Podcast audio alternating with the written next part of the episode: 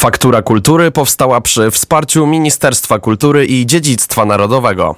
Dyrektor profesor Piotr Oszczynowski. Jesteśmy w Muzeum Narodowym we Wrocławiu. Jaka jest historia tej placówki, instytucji?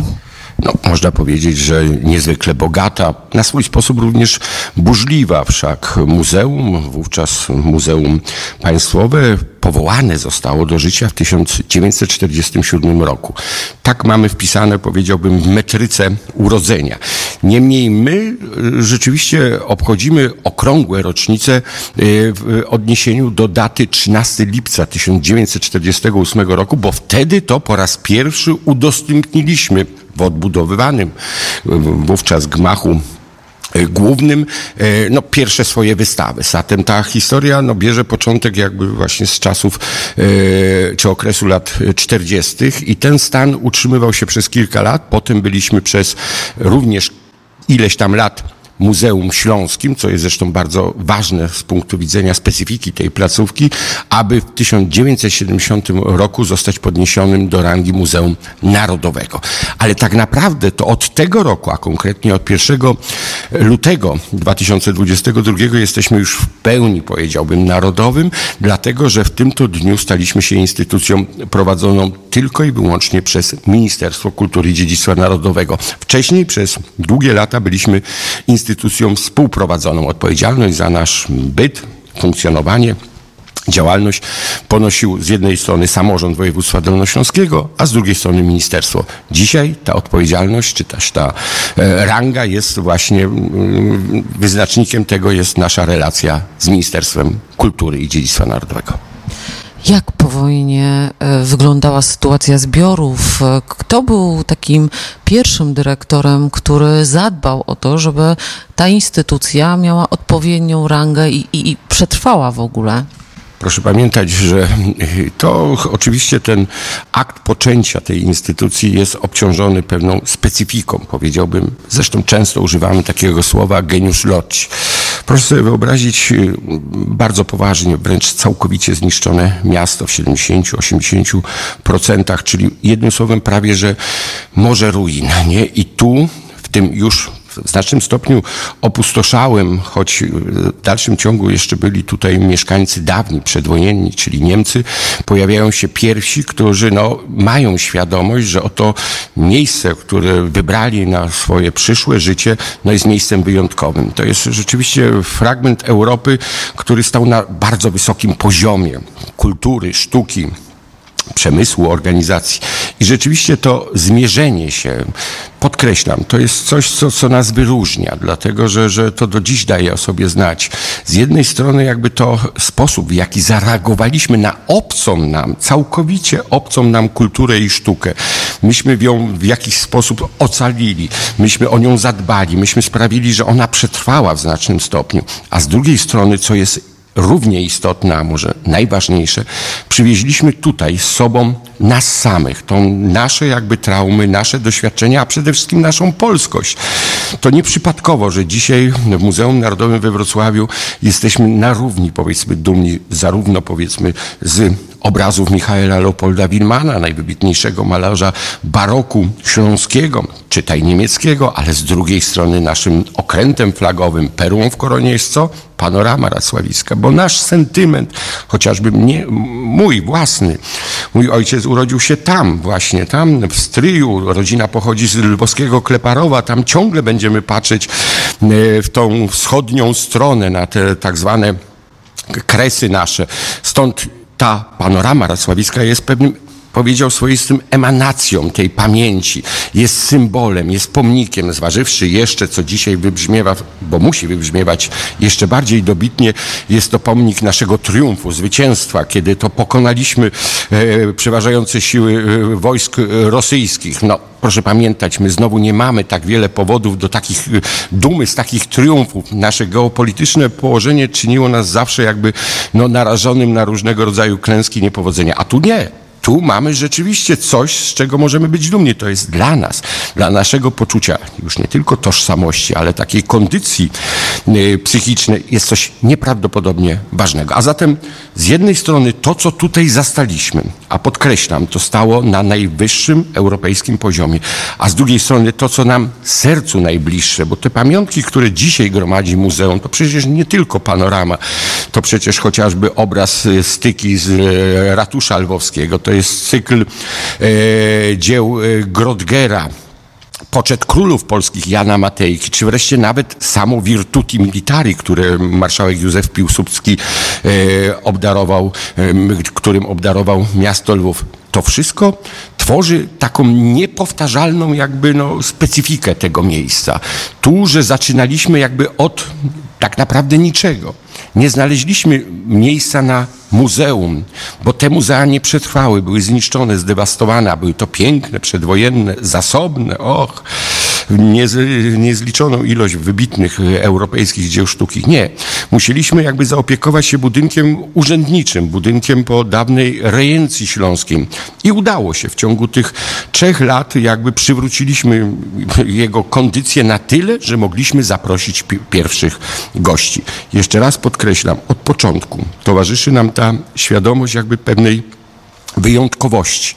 To, że są tutaj sarkowagi książąt piastowskich, a jednocześnie znakomita kolekcja sztuki europejskiej, to również to jest właśnie pochodna tego, co wyróżnia Wrocław i czyni go po prostu wyjątkowym.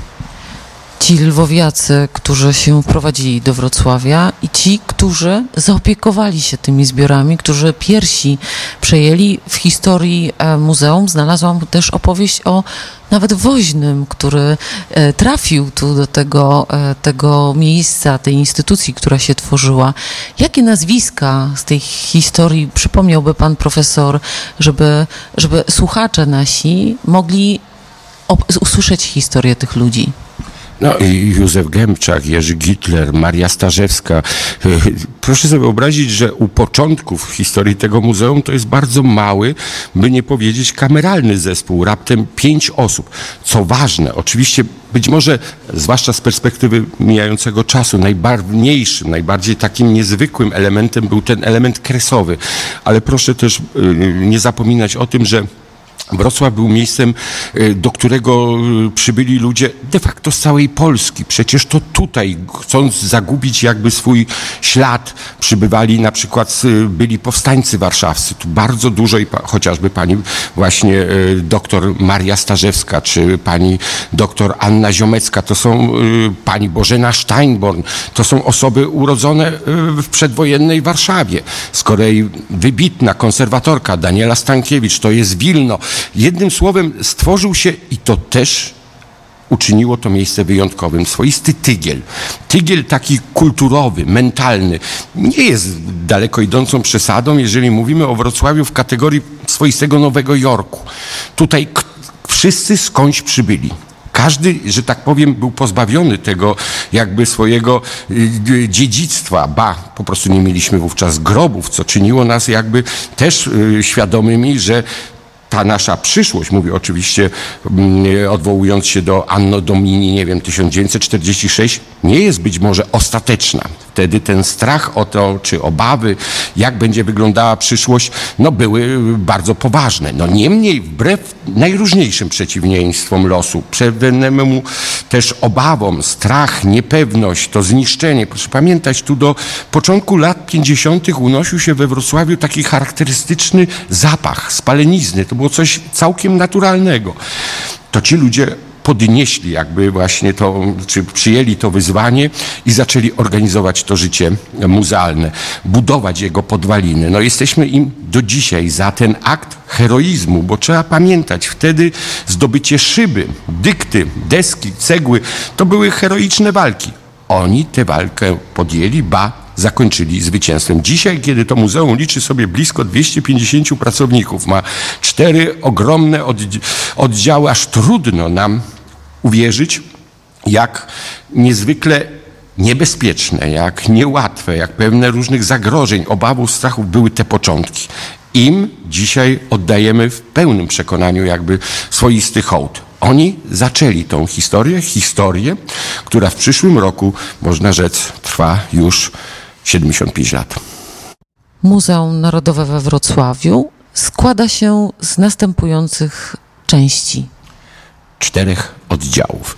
Ten dla nas jakby najstarszy, w którym rozpoczęło się to polskie życie muzealne, to jest gmach główny mieszczący się przy Placu Powstańców Warszawy 5. Dawny budynek rejencji, który dziś no, wypełnia funkcje muzealne. Tu przede wszystkim prezentujemy e, sztukę średniowieczną, sztukę polską czasów e, nowożytnych XIX e, wieku, wreszcie galerię sztuki europejskiej, śląską sztukę, sztukę nowożytną ze znakomitą rzeźbą barokową i, i dziełami Wilmana. Wreszcie też mamy tutaj szansę zaprezentować naszą unikalną kolekcję rzemiosła artystycznego. Muzeum, które jak mówię, no dzisiaj y, jest już jakby swoistą wizytówką mm, e, miasta Wrocławia, ale też tej części Polski. Mówię to nie bez powodu, bo raptem sto kilkadziesiąt, dwieście metrów od gmachu głównego wznosi się wyjątkowa w swoim kształcie rotunda, która mieści to, co jest no, najbardziej identyfikowane z Wrocławiem, z Muzeum Narodowym, czyli oddział nas Muzeum Panorama Racławicka. To jest rzeczywiście coś wyjątkowego. To jest fenomen, chociaż obraz ten namalowany został przez Jana Stykę i Wojciecha Kosaka w 1894 roku, to do dzisiaj nie dość, że 11 milionów, choć nie od początku, tylko od momentu, kiedy udostępniliśmy we Wrocławiu, czyli w 1985 roku już było w tym miejscu, to fakt, że w dalszym ciągu ona, e, że tak powiem, wzbudza taką, takie zainteresowanie, tyleż emocji wywołuje, jest swoistym fenomenem. Coś, co de facto miało, jak wszyscy wróżyli, upaść wraz z początkiem kina, nie? Oparło się jakby tej, te, temu, temu wyzwaniu i tej próbie i do dziś gromadzi jakby ogromne tłumy i cieszy się wielkim zainteresowaniem. Mało tego, ta siedziba tegoż muzeum, to miejsce, ta rotunda, w której umieszczone jest to gigantyczne płótno mierzące sobie 114 metrów długości, już samo w sobie jest również dziełem e, sztuki czy zabytkiem, dlatego że jest przykładem bardzo interesującego nurtu w architekturze polskiej powojennej, a mianowicie nurtu, który posiada taką wdzięczną nazwę brutalizm. I rzeczywiście coś jest na rzeczy, ona w swej surowości takiej powiedziałbym zdradza pewne wyjątkowe cechy. Trzeci oddział to jest y, równie niezwykły, choć oddalony od tych dwóch wcześniej wspomnianych, Muzeum Etnograficzne mieszczące się w dawnym pałacu biskupim na przedmieściu Oławskim. Jak to z pałacami bywa, był to pałac przeznaczony, choć duchowny był ci jego właścicielem, no pewnym określonym przyjemnościom. Dzisiaj te przyjemności nazywają się zabytki sztuki etnograficznej, ale również no, otwartość tego oddziału, to, że właśnie udaje się tam gromadzić najróżniejsze społeczności, mniejszości narodowe, religijne, no jest takim wyjątkowym miejscem, zresztą, które doskonale się wpisało w kontekst tego przedmieścia. Znakomita współpraca z mieszkańcami, no, miejsce, do którego rzeczywiście e, przybywają ci, którzy kochają ten fragment Wrocławia. Dla mnie permanentny, trwały powód do dumy. I wreszcie, last but not least, bo tego by się inaczej nie dało, oczywiście najmłodsze nasze dziecko. Coś, co też jest dla nas e, szczególnym powodem do dumy, bo myśmy mu przywrócili, co tu dużo mówić, pierwotny charakter. To jest pawilon czterech kopuł, dzisiejsze Muzeum Sztuki Współczesnej, Muzeum Narodowego we Wrocławiu. Przywróciliśmy mu tę pierwotną funkcję muzealną, bo taka była, stworzona przez wybitnego europejskiej klasy architekta Hansa Pelciga, no funkcja tego, tego niezwykłego, uroczego, bardzo modernistycznego i nowoczesnego jak na swoje czasy, to dzisiaj ta, to daje o sobie znać budynku. Tam daliśmy jakby możliwość zaprezentowania imponującej kolekcji, bardzo cennej, jednej z najwartościowszych w tym kraju, mianowicie polskiej sztuki XX e, wieku, drugiej połowy XX wieku i początku XXI. Tam znajdują się te wszystkie nasze szedewry, chociażby poczynając od wybornej kolekcji prac Magdaleny Abakanowicz, e, Jana Lebensteina, Tadeusza Kantora, e, Nowosielskiego, Hasiora, no, wszystkich. Jeżeli powiem chociażby przykład, że jeżeli mówimy socrealist, oczywiście naturalnym jest, że od razu gdzieś z tyłu głowy wzbudza się wyobrażenie tego kultowego obrazu Kodleja pod tytułem Podaj cegłę. Gdzie on się znajduje? No, znajduje się w pawilonie czterech kopuł. A zatem te cztery oddziały, które y, rok rocznie jakby mamy szczególny dowód jakby już w tym momencie, trudnym momencie, bo jesteśmy przecież w dalszym ciągu w okresie tak zwanego zagrożenia epidemiologicznego, ale możemy powiedzieć, że y, ta frekwencja, która jest jakby pochodną tej atrakcyjności i tych miejsc, a przede wszystkim tego, co się w nich dzieje, no sprawia, że lada moment w tym roku y, odwiedzi nas y, ktoś, kto pozwoli nam wkroczyć w drugą połowę miliona gości ponad 500 tysięcy gości w tym momencie, to rzeczywiście jest wynik, który nas niezwykle satysfakcjonuje i który jest bardzo podobny do tego, który osiągaliśmy w najlepszych czasach przed pandemią. Co to oznacza? No chyba oznacza, choć można mi zarzucić brak skromności, że ta nasza oferta, propozycja, to co, czym jakby ściągamy, zapraszamy, ale też kusimy naszych widzów jest chyba na tyle atrakcyjna, że znajduje jakby no właśnie zainteresowanie i co ważne potwierdzenie właśnie w tej imponującej frekwencji. Faktura Kultury powstała przy wsparciu Ministerstwa Kultury i Dziedzictwa Narodowego. Pięć rzeczy, których nie wiesz o Muzeum Narodowym we Wrocławiu według profesora Oszczanowskiego, dyrektora muzeum. Po pierwsze, gdzie można zrobić najpiękniejsze zdjęcie jesienią? Tylko stając przed gmachem głównym Muzeum Narodowego we Wrocławiu, a to zasługa tego, co jest czymś wręcz no, swoistą wizytówką, pewnym jakby znakiem rozpoznawalnym. To jest nasz fantastyczny winobluszcz trójklapowy, zwany także winobluszczem japońskim. Po łacinie to jest Parthenocissus trucispidata. Mniejsza o to, ta feria kolorów, to bogactwo, ta różnorodność mieniących się odcieni jesieni tylko tutaj, tylko właśnie w pierwszej połowie czy przez cały nawet październik rzeczywiście jest rzeczą nieprawdopodobną zobaczyć to, bo potem o tym się pamięta, ba, tęskni się, żeby wrócić do tego miejsca. To pierwsze miejsce, czyli to jest to ulubione miejsce instagramerów, e, facebookowiczów, którzy fotografują e, Wrocław e, według profesora. Ile godzin, ile czasu trzeba poświęcić, żeby zobaczyć całe Muzeum Wrocławskie?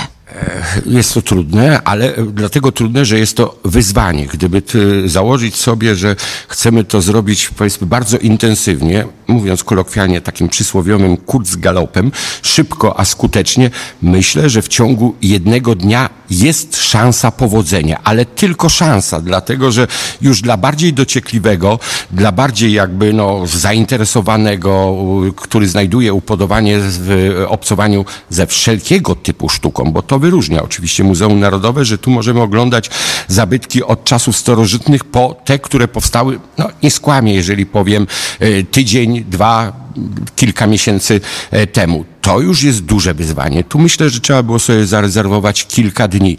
Tym bardziej, że muzeum to no, składa się z czterech oddziałów. Dwa w miarę blisko siebie jakby usytuowane, myślę tu o gmachu głównym i panoramie racławickiej, ale już wyprawa na, wie, na teren Wielkiej Wyspy, czyli tam, gdzie znajduje się pawilon Czterech Kopów i Muzeum Sztuki Współczesnej, to już jest pewne przedsięwzięcie. Mało tego, tam można jeszcze ulec pewnej dodatkowej pokusie, dlatego że nagromadzone tam jest Oczywiście dla nas najważniejszy jest pawilon Czterech Kopuł, ale i Park Szczytnicki, fontanna multimedialna, ogród y, japoński, hala stulecia, bo to jest teren oczywiście wpisany na listę UNESCO, ogród zoologiczny, obawiam się, że stamtąd się szybko nie wyjdzie. Rzeczywiście program, kto wie, może i na kilka dni. Nie wolno jednak e, zapomnieć, aby jeszcze dotrzeć do, na teren przedmieścia Oławskiego, bo tam w zwartej zabudowie nagle ku naszemu zaskoczeniu jawi się co? Pałac biskupi. Wokół XIX-wieczne e, e, budynki ze schyłku tego stulecia, byśmy powiedzieli kamienice czynszowe, a wśród nich no, coś niezwykłego, z niewielkim, kameralnym, urokliwym ogrodem, no i znakomitą, że tak powiem, lekcją tego, co tutaj niegdyś było i to, co myśmy tu przynieśli, czyli taka rodzaj pewnego dialogu pomiędzy przeszłością i teraźniejszością i znakomite wystawy czasowe. A zatem, proszę Państwa, dla bardzo, że tak powiem, wysportowanych, bardzo, że tak powiem, rzutkich, może być jeden dzień. Gdyby to chcieć wszystko, poczynając od średniowiecznych sarkofagów piastów śląskich, a kończąc na dziełach szapocznikow, proponuję zarezerwować co najmniej tydzień. To był nasz numer dwa, a numer trzy według profesora to co może być zaskakujące dla naszych słuchaczy? Proszę Państwa, no dzisiaj, kiedy mamy świadomość, że sztuka to nie tylko y, walor estetyczny, poznawczy, y, ten, który dostarcza nam mocy wrażeń, to oczywiście my bardzo rzadko, nigdy o tym nie mówimy, ale to też jest swoista wartość materialna. Mówię to w kontekście pewnej określonej jakby y, sprawy, która jest związana z Muzeum Narodowym, a mianowicie naj wspanialszej, najwartościowszej, najcenniejszej kolekcji dzieł Magdaleny Abakanowicz. To rzeczywiście we Wrocławiu, czego dowód dała ta nasza ostatnia wystawa, Abakanowicz Totalna, e, jesteśmy w stanie przedstawić cały reprezentatywnie oczywiście jej dorobek artystyczny. Dzisiaj, kiedy te dzieła na rynku aukcyjnym osiągają nieprawdopodobne sumy, proszę pamiętać, że ma się to nijak. Te ilości zer przy tych krótko mówiąc, yy, yy, wartościach, które trzeba zapłacić, aby stać się właścicielem właśnie dzieła Bakanowicz, ma się to nijak do tego, czym my dysponujemy. Bo proszę pamiętać, artystka, z tego też słynęła, wykonywała wielokrotnie te same jakby kreacje. Powtarzała, stąd znamy ileś wersji tak zwanego tłumu, czy też rycerzy króla Artura. Co jest ważne? Ten pierwszy jest najcenniejszy. Ten pierwszy, nie muszę Państwu mówić, że znajduje się gdzie? W Muzeum Sztuki Współczesnej w pawilonie Czterech Kopuł. Wartość podaje bezsenne. To był numer trzy, a numer cztery to jeśli miałby pan profesor, pan dyrektor zarekomendować trzy najważniejsze dzieła z tych olbrzymich zbiorów czterech oddziałów, to gdzie zabrałby pan y, profesor naszych słuchaczy? Proszę Państwa, czy musiałbym długo przekonywać? Nie, dlatego że z tyłu za mną stoi tłum, który liczy sobie już blisko 11 milionów osób. Oczywiście panorama racławicka w ciągu y, tego no, trwającego od 1985 roku czasu, to właśnie tyle osób przyszło, weszło tym bardzo charakterystycznym, ciemnym, ślimakiem, takim podestem, stawało na platformie i mówiło tak, jak mówiło się na początku XX wieku w Lwowie. Łojeju, jakie to niezwykłe, jakie to prawdziwe. Tej, uleganie tej iluzji, tej swoistej magii e, jest czymś niepowtarzalnym, a że, no, jak mówię, 11 milionów osób nie dość, że przyszło, to jeszcze zapłaciła za tą chwilę emocji. No chyba trudno jakby znaleźć lepszą jakby rekomendację. Gorąco, gorąco jednak w dalszym ciągu zapraszam. I teraz e, piąty numer to będzie niespodzianka. Tu profesor może nas e, zaskoczyć, e, naszych słuchaczy, czymś, co, co będzie nas, co będzie, co, co będzie wzbudzić naszą wyobraźnię, nawet jeśli ktoś jeszcze, co pewnie nie jest takie proste, nie był w Muzeum Narodowym. Myślę, że tą niespodzianką będzie to, co szykujemy na okoliczność 75-lecia, czyli właśnie na rok 2023. Rzeczywiście ten rok upłynie nam pod takim hasłem dość przewrotnym, e, a brzmiącym powroty, dlatego że wtedy dane nam będzie, tu oczywiście nie mogę uchylić specjalnie wiele rąbków tych, tej tajemnicy, zaskoczyć naszych gości. Zobaczą dzieła, które wielokrotnie uznawali za już nieistniejące, które są bardzo daleko i od 80 lat nieobecne, a wreszcie te, które po raz pierwszy zaprezentujemy również z naszej e, kolekcji. Mm, już sama wystawa, ta wiodąca, która jest y, no, warta polecenia i w samym tytule dość intrygująca, bo nadaliśmy jej ów tytuł pod no, szaleństwo rokoka, niech zadziała na Państwa wyobraźnię. Po raz pierwszy pokażemy, czym było śląskie rokoko. Ileż w nim było radości, witalności, y, pewnej irracjonalności, pewnej fascynacji dla tego, co nietypowe i wręcz niewyobrażalne. To jest to, co drzemie jakby w naszej kolekcji, ten potencjał, ale też i te no, y, wyzwania, które, które stawiamy sobie, wszak no, niecodziennie stajemy się no, dojrzali do tego stopnia, że trzy czwarte stulecia możemy mówić, że jest już za nami. Zatem to, co jest przed nami, patrzymy z ogromnym optymizmem, a zwłaszcza w 2023 roku, niech będzie tą ostatnią, szczególną atrakcją. Faktura kultury powstała przy wsparciu Ministerstwa Kultury i Dziedzictwa Narodowego.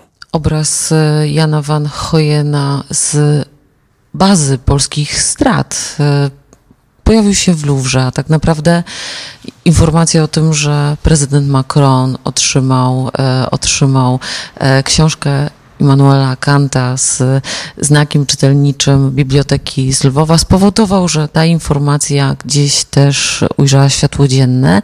Jaka jest historia tego obrazu i dlaczego ten obraz powinien trafić do Wrocławia? Proszę Państwa, no ona jest, można powiedzieć, dość typowa i bardzo reprezentatywna dla tych burzliwych losów kolekcji e, wrocławskich. Wszak proszę pamiętać, że te przedwojenne zasoby tutejszych muzeów były doprawdy imponujące. One gromadziły arcydzieła sztuki europejskiej, także obecność wśród nich właśnie tego reprezentatywnego dla sztuki XVII wieku e, Holandii, czyli złotego okresu e, dla tej sztuki Jana van Hoyena nie jest niczym zaskakującym czy też e, przypadkowym. Rzeczywiście obraz e, o tyle cenny, że no, podzielił jakby ten los wielu, wielu e, dzisiaj nieobecnych w naszych zbiorach, tutaj w naszym Muzeum Narodowym we Wrocławiu, zabytków, które były chlubą, dumą kolekcji niemieckich, oczywiście przedwojennych. Dlaczego? Ano dlatego, że my dzisiaj mamy świadomość, że to, co udało się jakby ocalić w tym miejscu, co można e, dzisiaj tutaj zobaczyć, to jest raptem 20-25% stanu posiadania muzeów e, przedwojennych. Dlatego każdy taki nowy trop, nowe ustalenie jest dla nas niezwykle cenne. Ten obraz trafił do zbiorów Śląskiego Muzeum Sztuk Pięknych w 1881 roku. E, co ważne, to był zapis w testamencie radcy wrocławskiego o nazwisku Fischer, który zdecydował, zresztą nie tylko jednego Juan Hojena, ale e, e, dwa jego dzieła, przekazać właśnie e, swoją ostatnią wolą na rzecz właśnie czy do zbiorów Muzeum Śląskiego. Proszę sobie wyobrazić, że obraz był chlubą przedwojennego muzeum, dlatego że o tym wiemy, był pokazywany na wystawie stałej sztuki europejskiej. W 1936 roku, 1936 został poddany konserwacji, ale już w 1939, czyli wraz z początkiem wojny, został wpisany na listę najcenniejszych dzieł sztuki, jakie są no, zachowane, czy posiada Śląskie Muzeum Sztuk Pięknych. Tutaj historia jakby przyspiesza. Mianowicie w czasie wojny zapada decyzja i ta decyzja yy, ma miejsce 9 maja 1942 roku, że te najcenniejsze dzieła muszą być ewakuowane, dyslokowane, wywiezione z Wrocławia i gdzieś no, składowane. Powstały tak zwane składnice muzealne. Z czasem przybrały one nazwę tak zwanych skrytek Grundmana. Tam trafiło większość, a już na pewno najcenniejsze dzieła sztuki. Tym pierwotnym adresem, pod który został skierowany ten obraz, był y, Henryków wielki, ogromny klasztor cysterski. Tam w przestrzeniach właśnie klasztoru chciano to zdeponować. Wiemy również, że w pewnym momencie przeniesiono do drugiej wielkiej składnicy, jaką był kamieniec e, ząbkowicki. I tutaj de facto historia, czy też wiedza nasza na temat tego obrazu się urywa. Na nowo pojawia się w 1992 roku, kiedy obraz ten wypływa na aukcji domu Sotheby's, takiego wielkiego domu aukcyjnego w Londynie. I dlaczego wtedy nie rozpoczęliśmy y, rozmowy z Brytyjczykami o, o, o zwrocie tego dzieła? No cóż, no powiem tak, wtedy nie mieliśmy czegoś takiego, albo w tym stanie zaawansowania i w tej świadomości jak baza strat wojennych Ministerstwa Kultury i Dziedzictwa Narodowego. To dzisiaj jesteśmy bogaci o to, co wykonano ostatnimi laty. Myślę tutaj o co najmniej kilkunastu latach, kiedy ta baza była powstawała, rozbudowywana. No dzisiaj ta świadomość wszak w tej bazie funkcjonuje przeszło 60 tysięcy artefaktów, czyli dzieł sztuki, wyrobów rzemiosła artystycznego. No więc wtedy, ba, być może, proszę pamiętać, to była inna też rzeczywistość. Dzisiaj ta świadomość, e, co gdzie pojawia się dzięki no przede wszystkim tym rozwoju tej technologii, high-techu, e, komunikacji takiej właśnie e, globalnej, internet temu, jemu zawdzięczamy, że żeby byłoby bez najmniejszego problemu byśmy mieli tę informację. Wtedy to jeszcze było niemożliwe.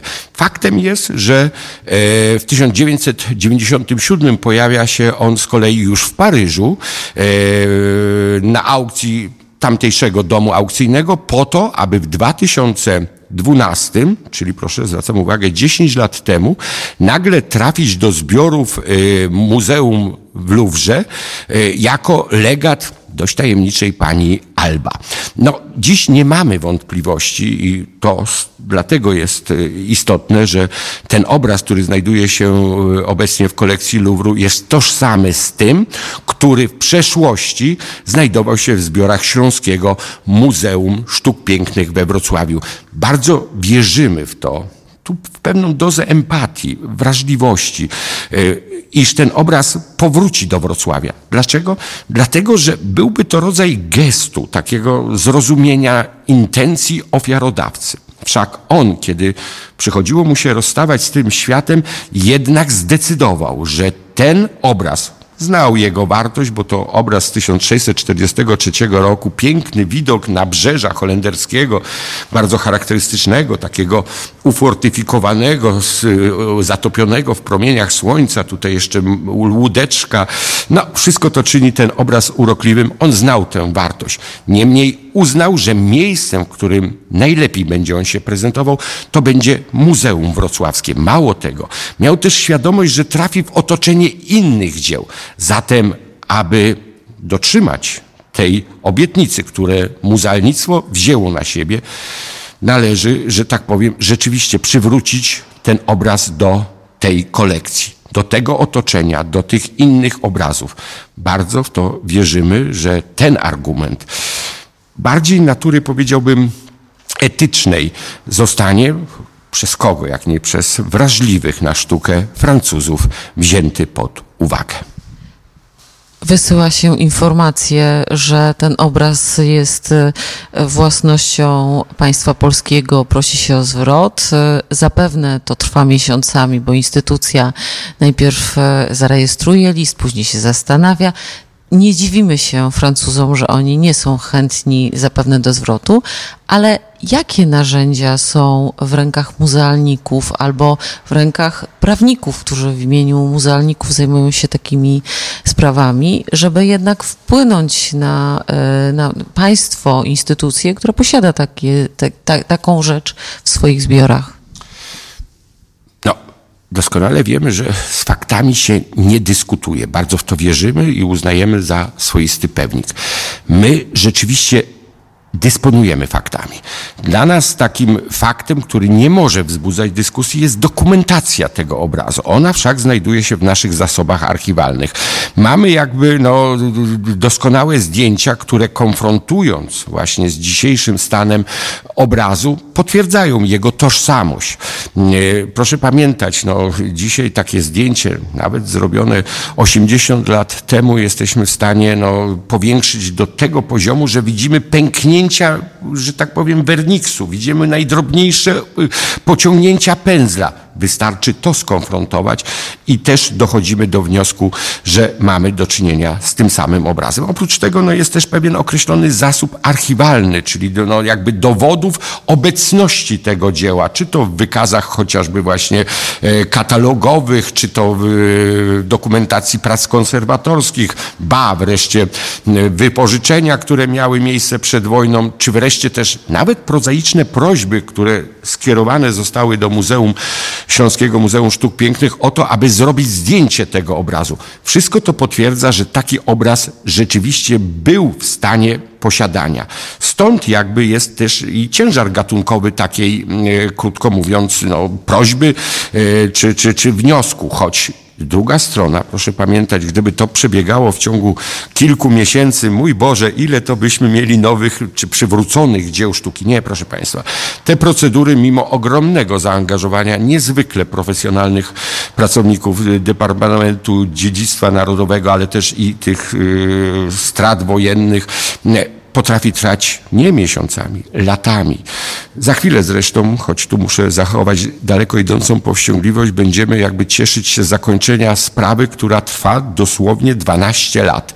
Bo tyle nieraz potrzeba, aby rzeczywiście doprowadzić do no, tego szczęśliwego dla nas zakończenia. To, że druga strona e, zgłasza różnego rodzaju zastrzeżenia, wątpliwości, w porządku. No, od tego jest też jakby uznaje, że, że, że może być y, to, to niezgodne z prawdą. Naszym powinnością, naszym obowiązkiem, a to jeszcze raz podkreślam, znakomicie y, wykonuje zespół y, ministerialny, no jest udowodnić ponad wszelką wątpliwość. A kiedy to udowodnimy, że ten obraz pochodzi z dawnych zbiorów muzeów wrocławskich, no wtedy rzeczywiście mamy prawo wierzyć, że druga strona nie pozostanie obojętna wobec no faktów, faktów, faktów. Historia obrazów Karla Bacha, Wrocław e, według Karla Bacha i historia pana e, Stanisława Marka Kocota, który przekazał te wspaniałe dzieła Muzeum Wrocławskiego, ale o tym, jaka to była historia, jak te obrazy trafiły w znakomite zbiory Muzeum Narodowego, opowie pan dyrektor. No rzeczywiście, proszę pamiętać, że o wartości, potędze, znaczeniu danego muzeum zaświadcza, bo jest to taka tradycja, jakby właśnie pewna forma ofiarności, życzliwości tych, którzy tutaj przychodzą, którzy tutaj się pojawiają. Dla nas to są szczególne momenty, kiedy właśnie dane nam jest spotkać na swojej drodze człowieka, który podejmuje taką decyzję, świadom oczywiście, też y, co się z tym wiąże. Mianowicie, że coś, co było dla niego bliskie, z czym obcował na co dzień, y, do czego się ogromnie przywiązał, stanowiło dla niego to też pewną wartość, powiedziałbym, taką emocjonalną. Nagle dojrzewa do tego momentu, aby powiedzieć, że niech tą radością z faktu posiadania tego dzieła, czy istnienia tego dzieła, również dzieli się z innymi. Jednym słowem, decyduje się przekazać do zbiorów muzealnych. Niezwykły gest, niezwykła jakby postawa, ale jak mówię, ona od zarania, od początku w ogóle muzeum e, rzeczywiście ma miejsce i to dzięki właśnie takim postawom takie mamy, a nie inne kolekcje. W tym wypadku historia jest o tyle niezwykła, gdyż decyzją pana Kocota muszę powiedzieć, już szczędziwej osoby, było e, wolą przekazanie dzieła, które ma szczególną, czy dzieł, które ma szczególną wartość. Otóż e, Karla Bacha my znamy, oczywiście rektor pierwszej Akademii Sztuk Pięknych we Wrocławiu, znakomity rysownik, projektant, ale co ciekawe, nieznana była jego twórczość malarska i dlatego to, co przekazał nam pan e, Kocot, e, no, jest wyjątkowe, bo przekazał nam obrazy olejne. No czegoś takiego nie mieliśmy, ba, nikt inny nie ma.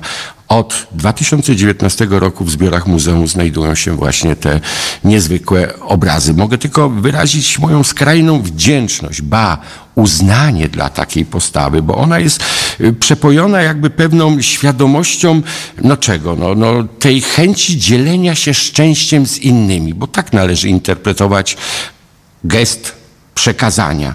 To już nie jest tylko mój pokój, to, co jest na biurku czy przy szafie, to jest coś, do czego muszę podejść, wchodząc do muzeum i cieszyć się z istnienia tego dzieła razem z tymi, którzy stoją po mojej prawicy.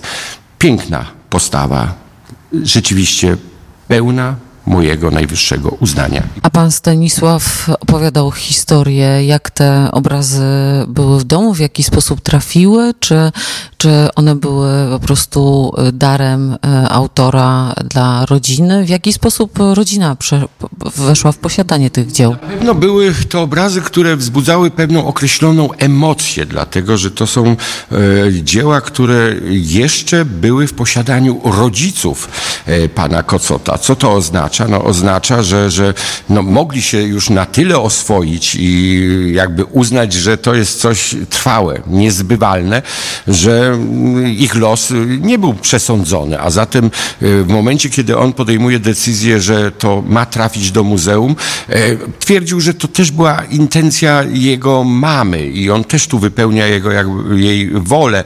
No jednym słowem, wspaniała postawa e, i jeszcze raz podkreślam, e, jesteśmy przeogromnie wdzięczni e, i nie ukrywamy, że, że, że ta wdzięczność, zwłaszcza w kontekście przyszłego roku, gdzie chcemy stworzyć, tu już jakby zdradzam pewien e, szczegół naszych obchodów, taką szczególną tablicę pamiątkową, na której właśnie tego rodzaju gesty, a przede wszystkim ludzie, którzy stoją za tymi gestami, będą upamiętnieni, bo oni tworzą jakby, no, muzeum. Oni budują ich kolekcje, oni są darczyńcami, oni są to stan pewnej wyjątkowej dojrzałości, odpowiedzialności, pewnej miłości do sztuki, bo czy jesteśmy w stanie sobie wyobrazić, że kiedy coś szczególnie kochamy, nie? Coś, jest, coś jest nam nieprawdopodobnie bliskie i potrafimy się z tym podzielić z innymi, czy to nie jest wymiar ludzki, czy to nie jest najpiękniejsze, na co stać nas, ludzi? Gościem Radia Wnet był dyrektor, profesor Piotr Oszczanowski, dyrektor Muzeum Narodowego we Wrocławiu. Bardzo pięknie dziękuję. Ja również bardzo dziękuję. Faktura Kultury powstała przy wsparciu Ministerstwa Kultury i Dziedzictwa Narodowego.